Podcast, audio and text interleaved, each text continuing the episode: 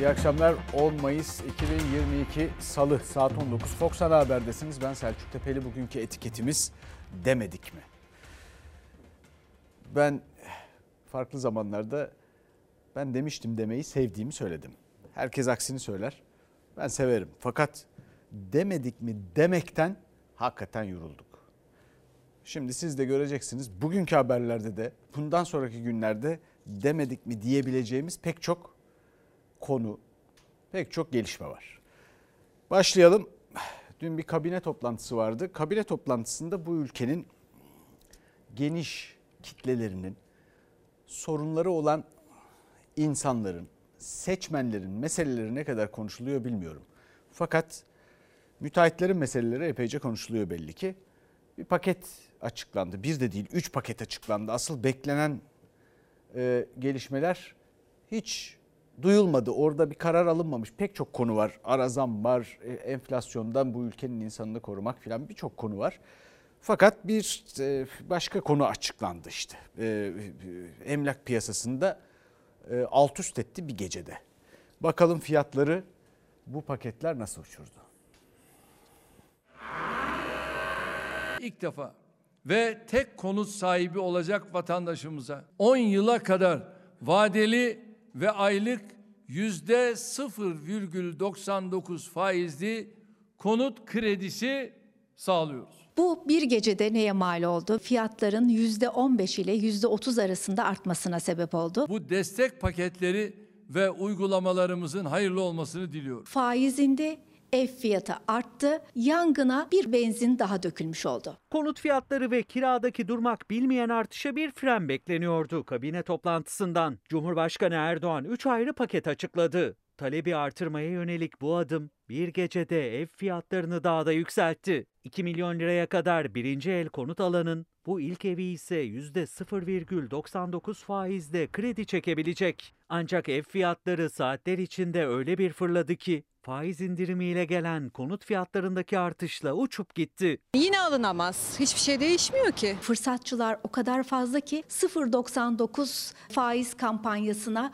uygun evler kampanyasına dönüştü. Kabine toplantısının ardından Erdoğan paketleri açıkladı. İnternetteki ilanların başlığı düşük faizli krediye uygun diye değiştirildi. Ev fiyatları da birer birer yükseltildi. Yani faizinde ama konutlardaki fiyat artışı faydadan çok zarar olarak döndü alıcıya. 8 Mayıs'ta faiz oranımız 1.20 idi. 1 milyon 450 bin liralık konut aldığınızda geri ödemenizde 2 milyon 175 bin liraydı. Evin maliyeti aslında size 2 milyon 475 bin liraya. 1 milyon 450 bin liraya bu evini satan vatandaş, satıcı dün gece evini 1 milyon 650 bin liraya çıkarttı. Faizimiz de 0.99'a düştü. Evin maliyeti ise toplamda 2 milyon 613 bin lira oldu. Paketin vatandaşa zararı 138 bin lira oldu. Zaten %0,99'da bile kredinin aylık taksidi yalnızca dar gelirlinin değil, orta gelirlinin bile karşılayabileceği gibi değil. Ev hayali kuranlar gözünü ikinci pakete çevirdi ama o da kenarda parası olana yönelik. Konut değerinin yarısı döviz hesabından bozdurarak ya da altınını Merkez Bankası'na vererek karşılayana %0,89 faizli kredi verilecek. Bu da yine değeri 2 milyon liraya kadar olan konutlarla sınırlı. Faiz indiriminden yararlanabilmek için satın alınacak evin yeni yapılmış yani sıfır daire olması gerekiyor. Ama gayrimenkul uzmanlarına göre sadece İstanbul'da 2 milyon liranın altında satılan sıfır daire sayısı yaklaşık 14 bin. Ve talebe göre zaten bu sayı pek yeterli değil. Elimizde stok yok. Bunlar tükenecek ve ikinci ellerin fiyatları şurada olduğu gibi artmış olacak. Üçüncü paket ise tüketiciye değil müteahhite. Yarım kalan konut projeleri için 20 milyar liralık kaynak aktarılacak. Açıklanan paketler bir gecede fiyatları daha da artırırken kiracıların günün birinde ev sahibi olabileceklerine dair umut kırıntısını da silip süpürdü. Türkiye'de emekli, normal çalışanlar asgari ücretler ev alamaz. Bitti o. Ne ev ne araba hiçbir şey alamayız artık o bitti. Karnımızı doyuralım yeter. İşte bu, bu pakette bunun benzeri başka konularda pek çok paket gibi bu ülkenin insanlarını gölgesini yakalamaya zorlayan paketlerden biri. Mümkün mü? Değil. Gölgemizi yakalayamayız elbette. Gördüğünüz gibi bir gecede fiyatlar nasıl arttırılır? Çare diye söyleniyor. Bir, bir kere Türkiye'de şöyle bir mesele var.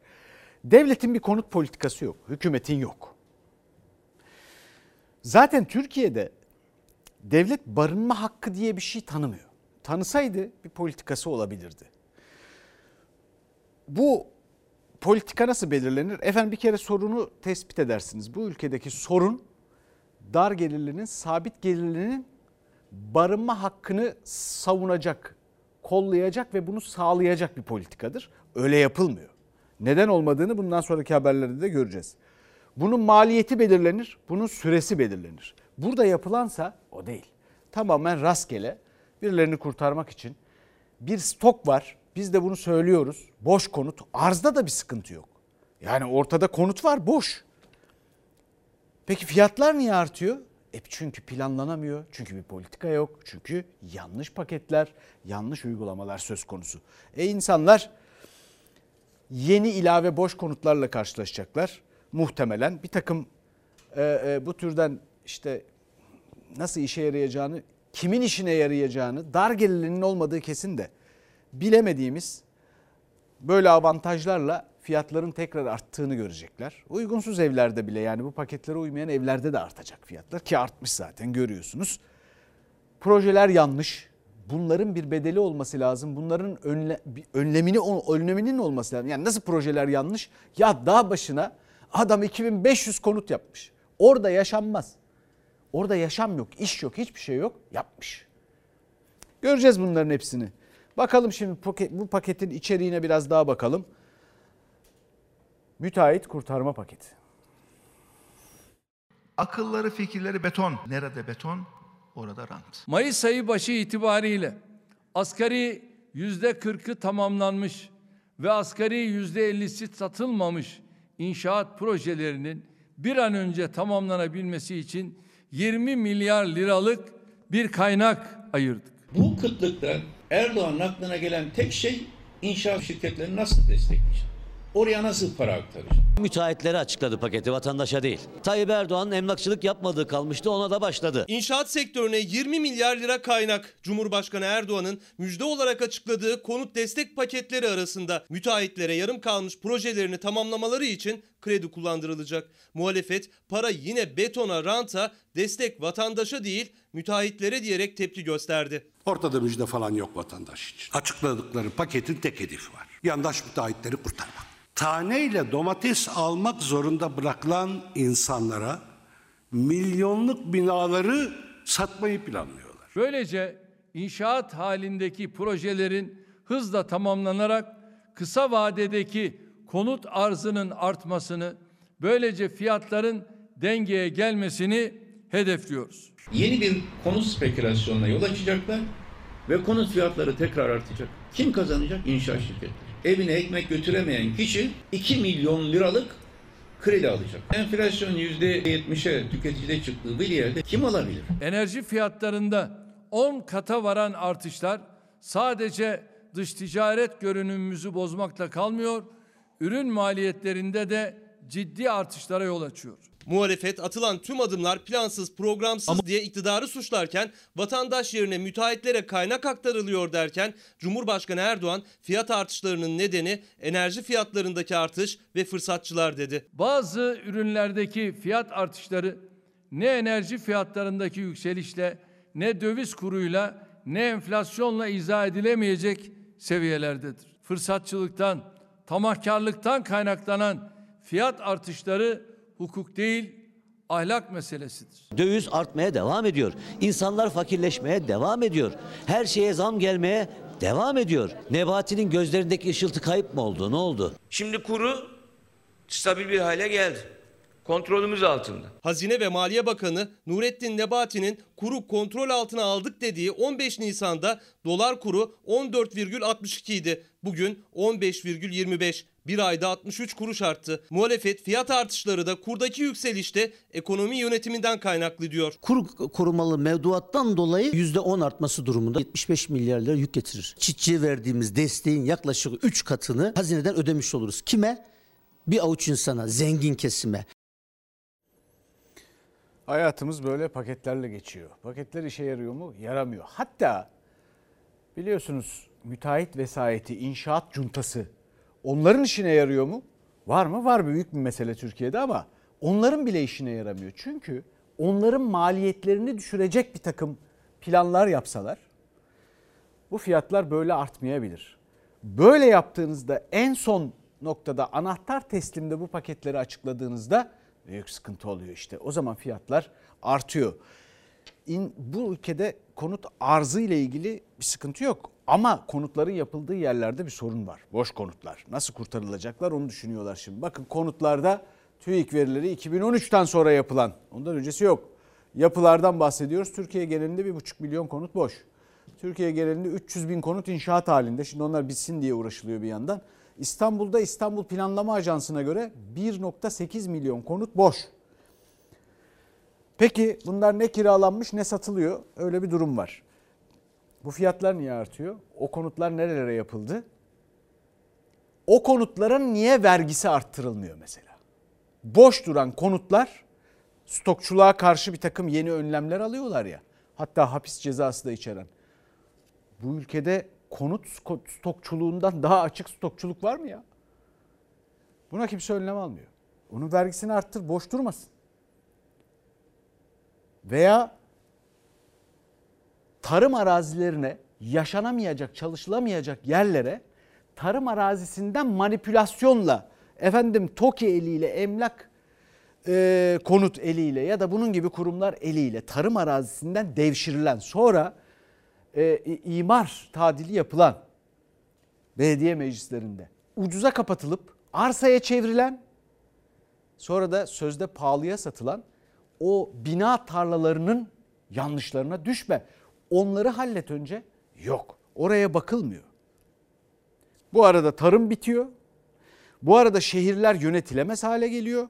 O konutlar hiçbir işe yaramıyor. İnsanlar orada yaşayamıyor. Boş duruyorlar. Ve biz depreme karşı sorunumuzu çözememişiz. Türkiye'deki konut kalitesi insani yaşama uygun konut oranı %10'da kalıyor. %10'da 15'te artmıyor. İşçiliği kötü, malzemesi kötü. Ya bir tek işte hazır beton bu işin içine girdi. Ondan sonra biz bunları konuşmaya devam ediyoruz. Peki ne oluyor ondan sonra? Olan kiracıya oldu. Kiranın K'si konuşulmadı. Henüz anlaşamadık. Bir teklif yaptık. Şu anda muallakta. Yüzde kaçlık bir artış talep ettiniz kiracınızdan? %50-160 civarında. Ne kadar kiranız? 4 bin. 4 çocukluyum. Eşim zorlanıyor bazen. Ödeyemiyoruz yani kiralar böyle nereye kadar gidecek? Peki memurların ya da çalışanların ya da emeklilerin maaşı ne kadar artırıldı? 30.5 oranında artırıldı. Hükümet kendisiyle çalışıyor. Kamu çalışanlarına yaptığı zam ortadayken kira fiyatlarındaki artış %34 olarak belirliyor. Yasal kira artış oranı %34,46 ama ev sahipleri çok daha fazlasını istiyor. Bu oranın bir kuruş altına ise inmiyor. Konut piyasasındaki artış kiraları da vurunca gözler kabine toplantısına çevrilmişti. Yüksek kiralara yönelik tek bir önlem paketi bile açıklanmadı. Benim maaşımı vermeye kalksam kiraya yetmiyor. Çok üzülüyorum. Mayıs ayı kira artış oranı %34,46 olarak açıklandı ancak çoğu çalışanın ve emeklinin zammı bu oranın altında kaldı. Artan kira giderleri ise zorluyor bütçeyi ve birçok kişi kirasını ödemekte zorlanıyor. Fiyatlar bu hızla artmaya devam ettiği sürece insanlar zaten önce karnını doyurmak zorunda. Bugün orta düzeyde bir memurun yani bir hemşirenin, polisin e, ya da bir güvenlik görevlisinin 4 bin liralara 5 bin liraya konut kiralayabilmesi mümkün değil. Aylık olarak tüm çalışanların enflasyon oranında her ay maaşlarda güncelleme yapmak gerekiyor. Maaşlar enflasyon karşısında eriyor. Kira zamları ise 12 ayın ortalama tüketici enflasyonuna göre her ay değişiyor, artıyor. Yani çalışan ya da emekli aylarca maaşına zam beklerken kira sözleşmesinin tarihi geldiği an enflasyona göre zam yapmak zorunda kalıyor. Birleşik Kamu İş Konfederasyonu'na göre bu hesap yöntemi değiştirilmeli.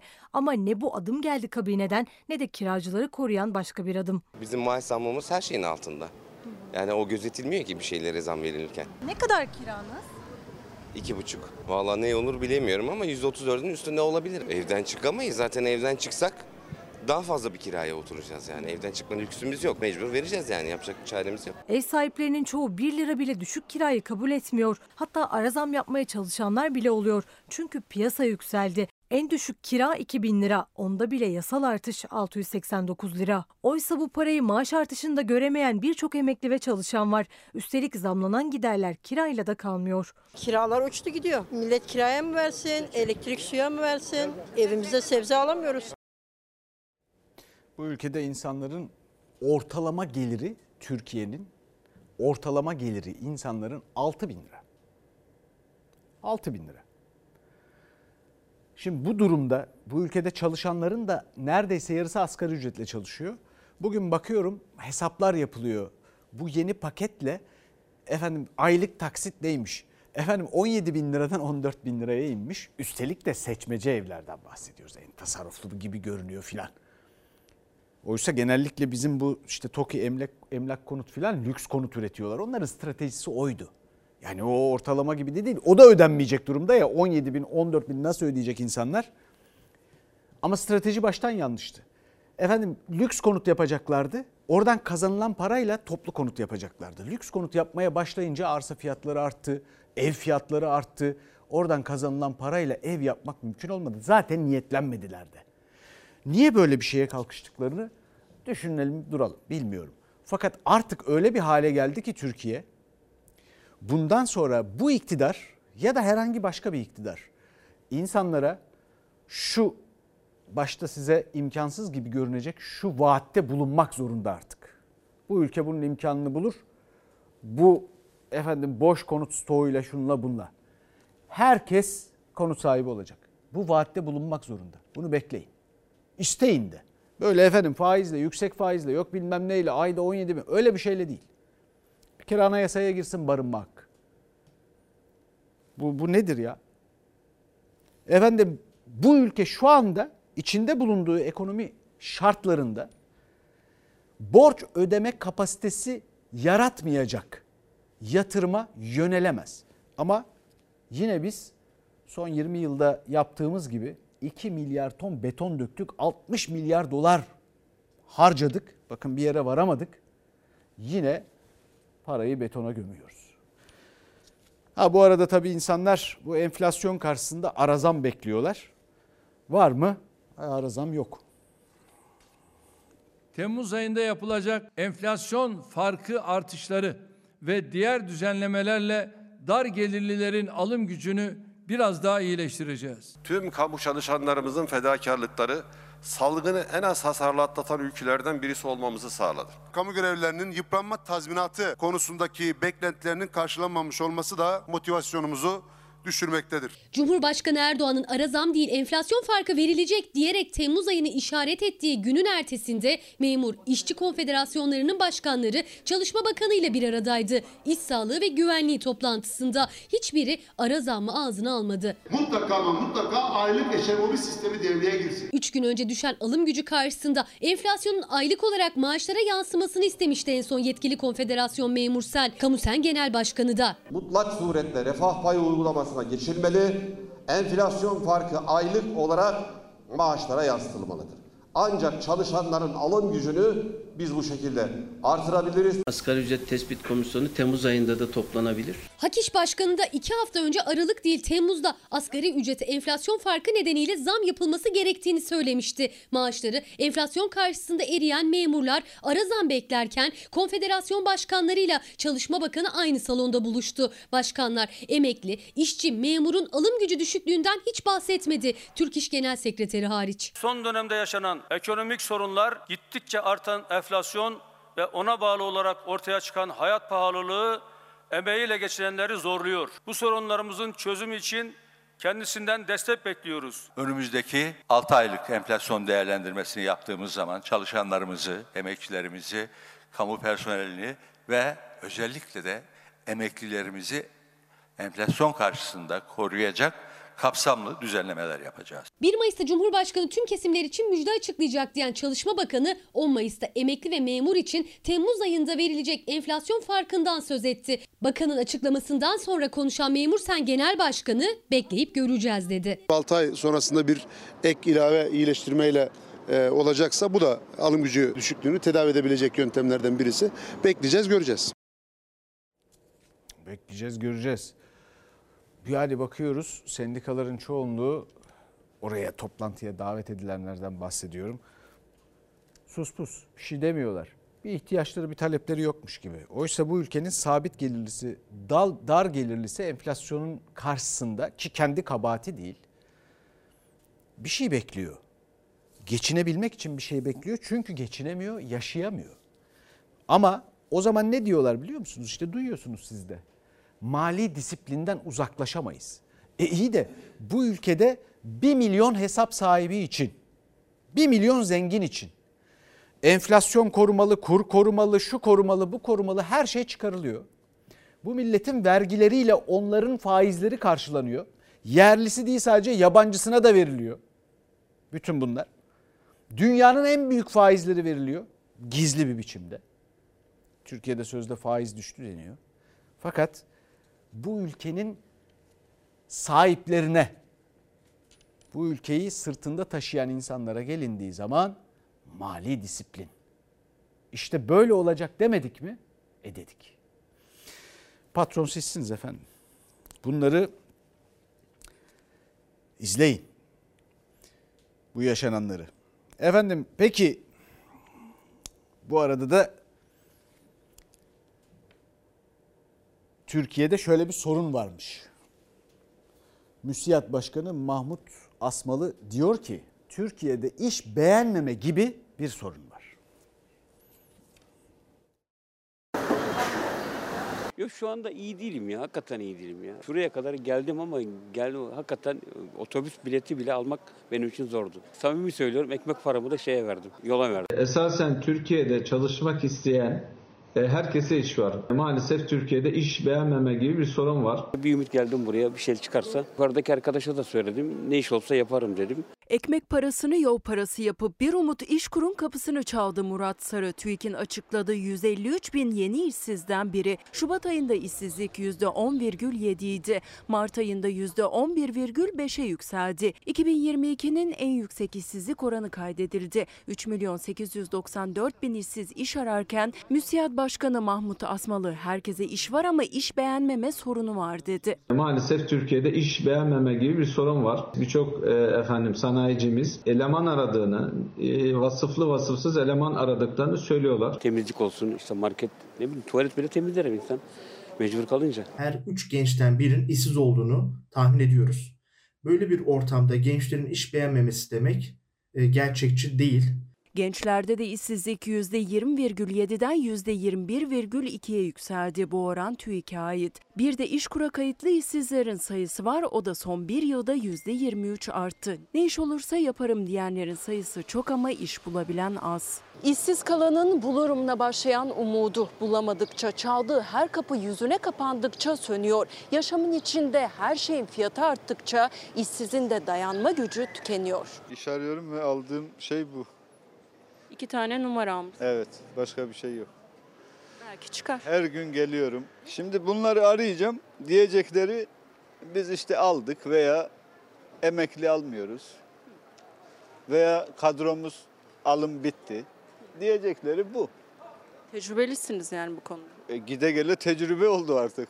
Türkiye'nin doğal geniş tanımlı işsiz sayısı artık 8 milyon. 84 milyon nüfuslu bir ülkede 8 milyon kişi işsizliği çok normal hale gelmiş durumda.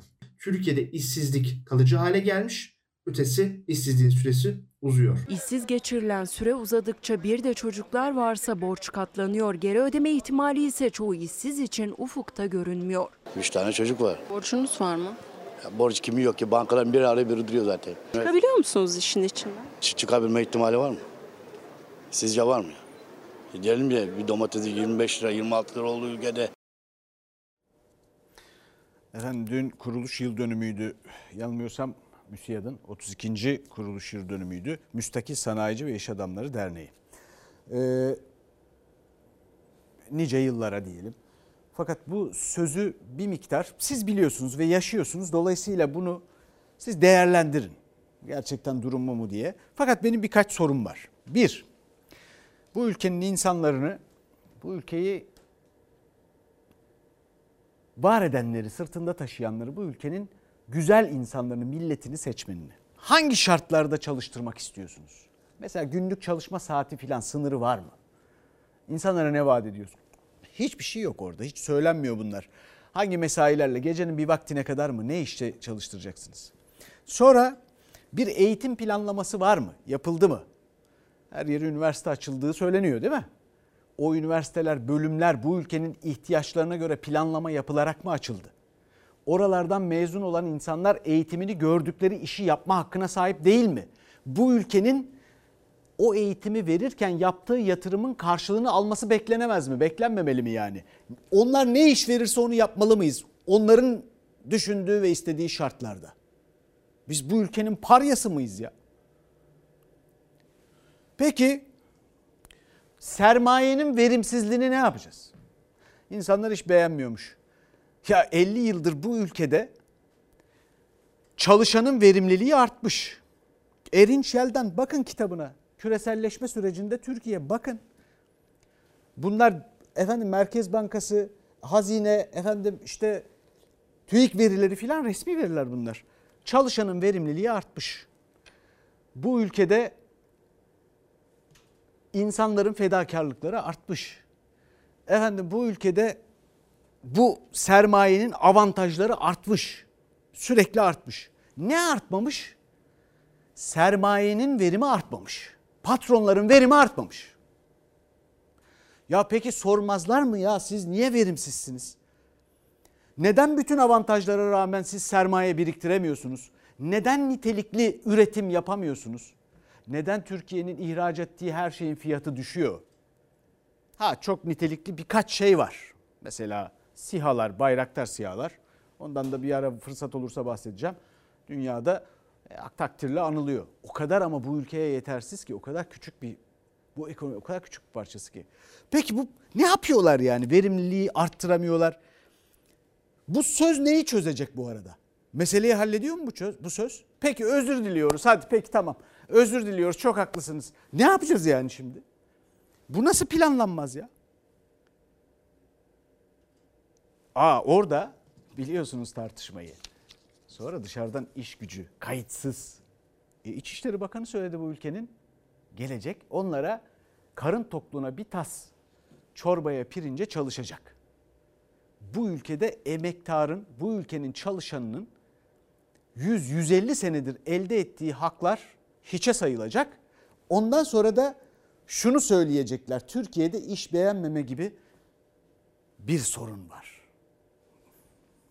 Demedik mi böyle olacağını? Bizde böyledir. Sorumluluk vakti geldiğinde kimse tarafından üstlenilmez. Ve de üstelik böyle faydasız laflar ederler. Evet. Genç işsizler de bu arada adliyeye sığmaz. Ameliyathane teknikeriyim. Atanamadım. Son çare bu bölümde düşünüyorum. Matematik öğretmeniyim. Özel bir kurumda çalışıyorum. Tüm memuriyetleri değerlendiriyoruz. Ülkemizin gerçeğini gösterelim böyle gözler önüne serelim. Kardeşim giriyor. Ama onlar da yazık günah yani bu insanlar kaçıncı kez bu emekleri veriyorlar. Oğlum üniversiteyi bitiriyor işsiz. Burası Ankara Adliyesi'nin önü. Metrelerce uzayıp giden kuyruk. Sıradakilerin kimi öğretmen, kimi sağlıkçı, kimi ise inşaat mühendisi. Hepsinin ortak bir amacı var. Zabıt ve icra katibi olabilmek. 259 kişi alınacak sadece. Burada 5000 kişi sınava girecek. 5000 kişinin de umudu o 259 kişinin arasına girmek. Mart ayı genç işsizliğin %21.2 olarak açıklandığı gün Ankara Adliyesi önü. 259 zabıt, 60 icra katibi kadrosu için 5000'in üzerinde adayın umut kuyruğu. Bilgisayar programcılığı mezunuyum hem de sosyal hizmetler mezunuyum. KPSS'ye de girdim. 2010'dan beridir uğraşıyorum. Adalet Bakanlığı Türkiye genelinde sözleşmeli olarak istihdam etmek için 3618 zabıt katibi 500 de icra katibi alacağını duyurdu. Ankara Adliyesi içinde toplamda 319 kişilik kadro açıldı. Zabıt katipliği için giriyorum ben. Türk Dil Edebiyatı bölümü okuyorum. Şansımı denemeye geldim. Aslında son seçenek olarak düşünmüştüm. Uzman yardımcılığı hedeflerim vardı. Maalesef kader bizi bu tarafa kadar yönlendirdi. Genç işsizimiz çok fazla. İstatistikler de onu gösteriyor. Maalesef her yerde bu kuyruğa rastlayacaksınız. Çalışmıyorum. İşsizsiniz. Evet. Ne kadar süredir iş arıyorsunuz? İki yıldır. Ne mezunusunuz? Fizyoterapi. Farklı bölümlerde okuyup kendi alanlarında iş bulamayan, atanamayan gençler, işsiz, üniversite ve orta öğretim mezunları 319 kişilik kadro için uzun bir kuyruk oluşturdu adliye kapısında. 5000'in üzerinde aday sınava girdi. İstediğimiz bir şey değil. Ben istemiyorum açıkçası ama mecburuz bu ülke şartlarında. Çünkü iş bulamıyorsun kendi alanında. Ne kadar süredir işsizsiniz? İki yıldır. Memur olma olana daha kolay diye burayı tercih ettik. Uzayıp giden kuyrukta saatlerce bekleyen gençlerin umudu sözleşmeli zabıt veya icra katibi olabilmek. Sınavı kazananlar yaklaşık 6 bin lirayla göreve başlayacaklar. ülkede niteliksizleştirip, emeği ucuzlatıp, hatta zekayı ve fikri de ucuzlatıp dünya ekonomisinde başka bir ligde, alt liglerde yer almak gibi bir efendim planı var hükümetin. Çünkü ancak öyle yürüyor gibi duruyor bu işler. Hatta siyasetin tamamında hayal gücüne bakıyorum. Sadece hükümette değil, iktidarda değil, muhalefette de var bir hayal gücü kıtlığı. Ya bu ülke insanının hayallerini böyle hayal kırıklığına uğratmayın. Bu ülkenin potansiyeli bunun çok üstünde. Şimdi bakın demografik fırsat penceresini harcadı bu ülke. Harcıyor bu ülke diyorum. Bunun detayına girmeyeceğim. Ama bunun mesela Birinci Dünya Savaşı'nı kaybetmek kadar büyük bir mesele olduğunu bilin. Demografik fırsat penceresinin kaçırılması. E, Bunun detayına girmek isteyen varsa da yazsın böyle baksın neymiş bu. Bir dünya savaşı, Birinci Dünya Savaşı'nı kaybetmek kadar feci bir şey bu. Bu arada da ekmek aslanın ağzında tabii çalışmak zorundayız. Nasıl çalışacağız, nasıl iş bulacağız? Ekmek gerçek manada da aslanın ağzında ekmeğe yine zam baskısı var. Şarkışla'da oluşan somun ekmeği sıkıntısından dolayı Sivas'tan ekmekleri getirdik. Burada dağıttık. Türkiye'nin artık ekmeklik buğdayda da kendine yetmediğini açıkçası görmüş olduk. Hem üretici kaybetti hem tüketici kaybetti. İstanbul'da bazı ilçelerde 1 Mayıs itibariyle 4,5 liraya ekmek satılmaya başlandı. Sivas'ın Şarkışla ilçesinde fırıncılar 2,5 lira olan ekmeğe 50 kuruş zam yaptı. Belediye ekmeğin 3 liradan satılmasına izin vermedi. Hatta satış fiyatından daha da ucuza 2 liraya ekmek dağıttı. Fırıncılar üretimi durdurdu. Sorun orada kısmen çözüldü ama ekmek fiyatları hemen her ilde ya artıyor ya da artırılması isteniyor. Çünkü maliyet çok yükseldi. Ankara'da ekmek 3 lira oldu. İstanbul'da ise bazı fırınlar 4,5 liradan satıyor artık. 4,5 liraya durmaz. 5-6 liraya çıkacak. Maya 260 lira oldu. 380 lira istiyorlar. Maliyetler %500 yani bırak %100'ü. Un, susam, odun 400 aldığımız e, odunu şu an 2,5 milyar tonu. Un 140 lira 130 aldığımızı 525 TL oldu. Susam desen 375'ten direkt 1 milyara fırladı. Geçici bir çözüm tabii bu. Sivas'ta geçici çözümle tüketicinin ekmeği zamlı almasının kısa süreliğine de olsa önüne geçildi. Ancak maya, elektrik, doğalgaz gibi maliyetler yükseldiği sürece fırıncıların da zam talebi masada olacak. Türkiye Haziran 2021'den bu yana 13 kez buğday ithalatı yaptı. Üstelik ithal buğdaya yerli mahsule ödenenin çok üstünde para harcandı. Toprak Mahsulleri Ofisi e, ekmeklik buğday alım fiyatını 2250 lira açıkladı ton başına. Ama o gün 282 dolara ithal ettiği buğdayı daha sonra 456 dolara ithal etmek zorunda kaldı. Geçen yılın Haziran ayında dolar kuru 8 lira 70 kuruş civarıydı. Yerli üreticiye 2250 lira verilirken ithalat ortalama 2500 liraya denk geliyordu. Bu yılsa döviz nedeniyle neredeyse 3 katına çıktı. Tarım yazarı Ali Ekber Yıldırım'a göre buğdayda dışa bağımlılık bitmedikçe ekmeğin fiyatı da yerinde kalamayacak. Çözüm üretimi arttırmak, Toprak Mahsulleri Ofisi'nin çiftçiye vereceği alım fiyatı en azından ithal edilen buğday fiyatı artı bir refah payının olması lazım. Ekmekteki gelişmelere bakın işte Kasım 2021 230 gram 2,5 lira.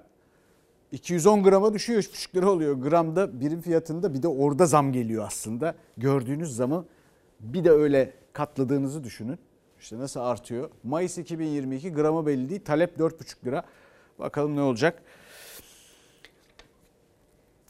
Bir de sığınmacı meselemiz var. Düzensiz göçmen, sığınmacı, yasa dışı göç. Bunların suistimal edilip edilmediği tartışmaları. Efendim e, Cumhurbaşkanı Erdoğan diyor ki göndermeye gücün yetmez. E, Kemal Kılıçdaroğlu Cumhuriyet Halk Partisi Genel Başkanı da diyor ki iki sene içinde göndereceğiz. Şimdi Bay Kemal ne diyor? Biz bunların hepsini tekrar Suriye'ye süreceğiz. Geldikleri yere göndereceğiz. İki yılda göndereceğiz. O konuda hiç kimsenin endişesi olmasın. Bunları yapamayacaksın. Bunları yapmaya hiçbirinizin de gücü yetmez. Avrupa Birliği şuna kapılabilir. 3 milyar avro verdik mesele bitti. Yok kardeşim yemezler. 3 milyar değil 53 milyar da versen yok kardeşim. Bu ülkenin itibarını kimseye sattırmayız. Suriyelileri göndermeye gücün yetmez yani Cumhurbaşkanı'na da Avrupa Birliği'ne de res çekti CHP lideri. Siyaset, sığınmacıları, mültecileri, kaçak göçmenleri tartışıyor. Beyefendi Emevi Camii'nde namaz kılacaktı. 3 milyon 600 bin Suriyeli Türkiye'ye geldi. Bir kaçak istilası altında ülkemiz. Gerginlik artıyor, milletimiz burnundan soluyor. Gettolar oluşmaya başladı. Fabrikanda Suriyeliyi çalıştır, sömür, sigortasını da yapma. Ayak ayak üstüne at. Ne olacak bu Suriyelilerini halleder. 1 milyon gidecek. İlk önce kim isyan edecek biliyor musun? Türkiye'deki iş, iş insanları. Sen açıkça diyorsun ki biz Suriyelileri çalıştırıyoruz, bir kaçak çalıştırıyoruz. Vergisiz çalıştırıyoruz, emeklerini sömürüyoruz ve bunu da kalkıyorsun. İçişleri Bakanı olarak dünyaya ilan ediyorsun ya. Şu anda 3 milyon 700 bin Suriyeli bizim kardeşimizdir ve biz bu kardeşlerimize sahip çıktık, sahip çıkıyoruz ve sahip çıkacağız Bay Kemal. Erdoğan bu milletin huzuru için huzurunu parayla satan kişidir. Emperyal güçlerin Orta Doğu'daki maşası Recep Tayyip Erdoğan'dır. 3 milyar avroya insan ülkesini satar mı ya? İradesini satar mı ya? CHP lideri Avrupa Birliği ile imzalanan geri kabul anlaşmasını hatırlattı. Cumhurbaşkanının para karşılığında sığınmacıları Türkiye'de tuttuğunu söyledi. Avrupa halkları huzur içinde yaşıyorsa Türkiye sayesindedir diyor. Tweet atıyor. Ya akıl alacak şey değil bu yani. Ya aklı başında bir insan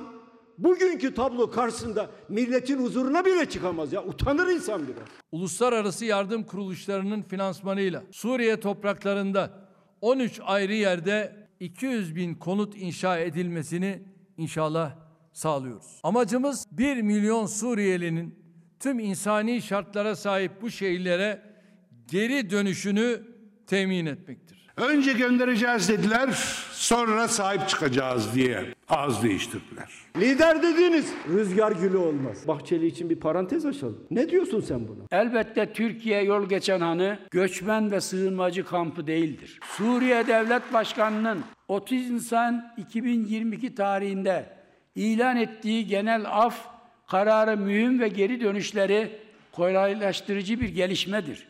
Hükümetin uygulayacağı her politikayı sonuna kadar destekleyeceğimiz bilinmelidir. MHP lideri Cumhur İttifakı ortağı Erdoğan'a hem Esad'ın genel af kararını hatırlattı hem de iktidarın sığınmacılarla ilgili alacağı her kararı destekleriz açıklaması yaptı. Hedefinde Ümit Özdağ da vardı. Teröristlerin cesaret edemediği protestolarla İçişleri Bakanımıza saldırmak su katılmamış edepsizliktir, densizlik ve terbiyesizliktir. Babası Muzaffer Özdağ MHP kurucusu, annesi Gönül Özdağ MHP Kadın Kolları Genel Başkanı, kendisi iki dönem MHP milletvekili olan bana MHP'nin kuruluş sürecine, ilkelerine küfreden Süleyman'a sahip çıkan zihniyeti Türk milliyetçileri değerlendirecektir. İçişleri Bakanlığı'nın önüne gelenler Türkiye'nin önünü kesmek isteyenlerdir. Terörün ömrünü uzatmak için çırpınan zavallılardır. MHP lideri ikinci kez Süleyman Soylu'ya sahip çıkarken sığınmacılara sahip çıkacağız diyen Cumhurbaşkanı Erdoğan, Bakan Soylu hakkında bir açıklama yapmadı. Kılıçdaroğlu ise bir cümleyle yorumladı. Asla kayıkçı kavgalarına dahil olmayacağız. Bir izleyicimiz diyor ki sağlık çalışanları artık sahada yetemiyor alımlar şart demedik mi? Hatırlatalım onu da. Demedik mi meslek lisesi ve çıraklıkta zorunlu staj yaptık. Sigorta kartı verildi. E-Devlet kayıtlarında sigorta giriş tarihi sigorta başlangıcı olarak yazılıyor.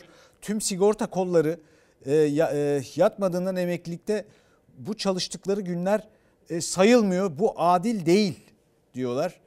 Efendim bir izleyicimiz gözlerin ışıltısı gün gelir söner demedik mi?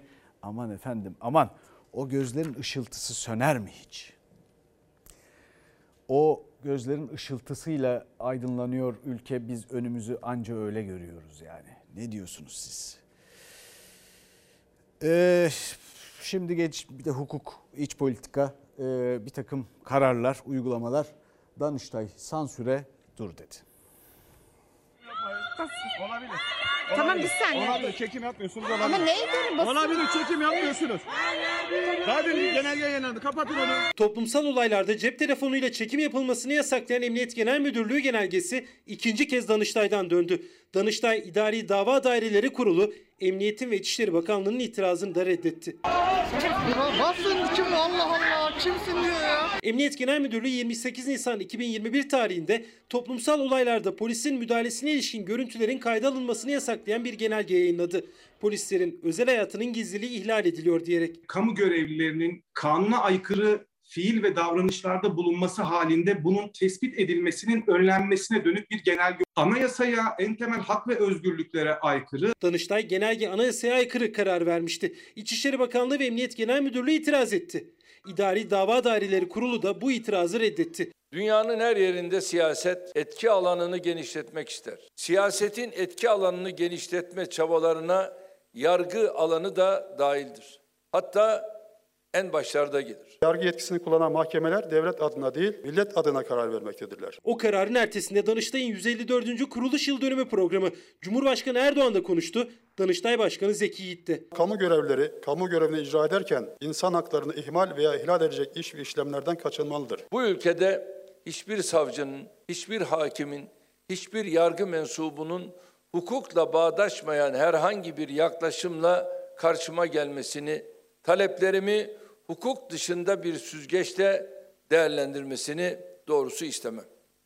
Ama aynı zamanda yargı mensuplarının bu hukukçu duruşunu herkesin karşısında ve her şartta sergilemesini de beklerim. Danıştay 24 Nisan'da zeytinliklerin madenlere açılmasına imkan veren yönetmeliği durdurmuştu. Emniyetin görüntü yasağı genelgesini de tümden iptal etti. Gözler İstanbul Sözleşmesi'nden kararname ile çıkılamayacağına ilişkin yapılan itiraza ilişkin kararda. Efendim bu arada İçişleri Bakanlığı genelgesiyle çok beklenen bir şeydi. Müzik yasağı esnetildi 01 00'a kadar. Devam edelim şimdi ailelerin adalet nöbetine bakalım. Bir hakim heyetinin karşısında tek bir soru sorulmadan, tek bir delil toplanmadan, tek bir tanık dinlenmeden 18 yıl ve ağırlaştırılmış müebbet Osman Kavala için hapis cezasıyla karşı karşıya kaldık. Eşimiz, dostumuz e, hepsi orada tutsak tutuluyor tek bir gerekçeyle mesleklerini yapmış olmaları gerekçesiyle. Utanılacak hiçbir şeyimiz yok.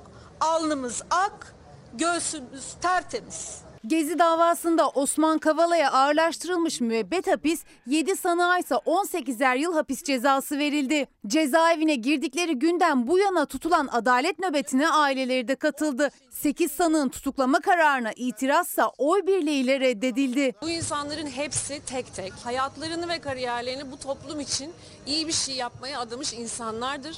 Bugün o yüzden cezalandırılmış insanlardır. Dinleme kayıtlarının yasak delil mahiyetinde olduğu, somut, kesin ve inandırıcı başkaca delil bulunmadığından beraat gerektiği görüşündeyim. Üç hakimden birinin bu şerhine rağmen Gezi davasında ceza yağdı sanıklara. Osman Kavala 4,5 yıldır 18'er yıl hapis cezası alan isimler Can Atalay, Tayfun Kahraman, Mücella Yapıcı ve Hakan Altınay'la birlikte 4 isim daha 15 gündür cezaevinde. Bizim ailelerimizi oluşturan Can, Mücella, Tayfun, e, TMOB'a bağlı olarak e, mesleklerini icra eden insanlar bütün talepler meşruydu, bütün süreçler resmidir. Ortada suç yoktur, suç örgütü yoktur. Türk Mühendis ve Mimar Odaları Birliği TMOB önünde 15 gündür adalet nöbeti var. Bu kez cezaevindeki isimlerin aileleri de seslerini duyurmak için oradaydı. Efendim kanser hastalarının randevu çıkmazına bakalım şimdi de. Randevu ben bir aydır alamadım. Tam bir ay oldu. Hiç randevu düşmüyor. Geçmiş olsun. Neyiniz var? Göğsümü aldılar. Göğüs kanseri. Çok uğraşıyor musunuz randevu almakla, hastaneye gelmekle? Hem de nasıl, nasıl? Hastalığın ağır yükü altında bir de tedaviye erişmek için randevu çilesi çekiyor kanser hastaları. Randevu bulmaktan ümidini kesenler çareyi erkenden hastanede sıraya girmekte buluyor. Kanser hastaları muayene olabilmek için saatlerce sıra bekliyor. Randevu alamadık. Randevusuz olarak geldik mecburen ama doktor sağ olsun o ilgilendi, işimizi gördü. Sabah geldim ben buraya 7'de 10'da anca girebildi. Onkoloji hastaları her şeysiyle en ayrıntılı bir şekilde incelemek zorundasınız. Hastanın iyiliği için. 10 dakikada bir hastaya bakıyor şu an tüm e, birimlerde. Yani biz bu- bunun en az 20 dakika olması gerektiğini defalarca söyledik. Erken teşhisin ve tedaviye hızlı erişimin en kritik olduğu birimlerden bir tanesi onkoloji. Ancak onkoloji hastaları günler, haftalar hatta aylarca randevu almak için mücadele ediyorlar. Birçoğu randevu alamadığı için çareyi acil servislere gelmekte buluyor. Acil servisten kliniğe geçiş yapan hastalarsa onkoloji servislerinde başka bir yoğunluğa neden oluyor. Şu anda randevu yok zaten. Bulamıyorsun.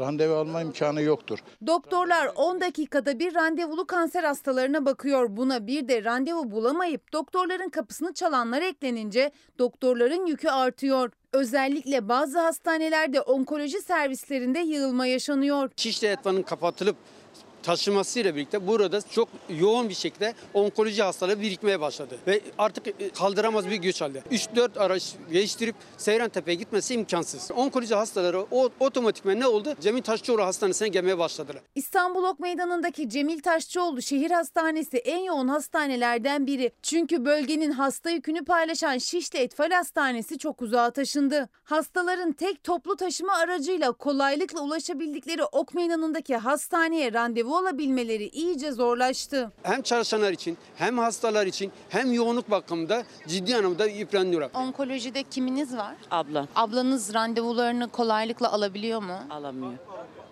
Çok yoğunlaştı. Hele bu son zamanlarda daha çok yoğunlaştı. Şimdi bir ara. 16. yüzyıldan bir devlet adamı, İngiliz devlet adamı Thomas More ne demiş? Hastasını iyi etmek için sözde ona daha ağır hastalıklar aşılayan bir hekim bilgisiz değilse nedir? O yüzden acı reçete filan bunlar boş laftır. Hiç lüzum yoktur. Acı reçe- reçeteye filan bakmayın. Hatta o da Fransız yazar Albert Camus'un eski bir Yunan efsanesinden yola çıkarak Sisyphos biliyorsunuz. Efendim bir taşı tepeye çıkaracak, hep yuvarlanacak hayatı boyunca böyle bir cezaya çarptırılmış o da. Bunlara diyor ki bunlar saçmalıklar ama saçmalıklara karşı pes etmeyin. Hayata tutunun. Bu ülke güzel ve güçlü bir ülke. Bizden sonra evlilik hakkında her şey var. Yarın görüşmek üzere yeni bölümüyle.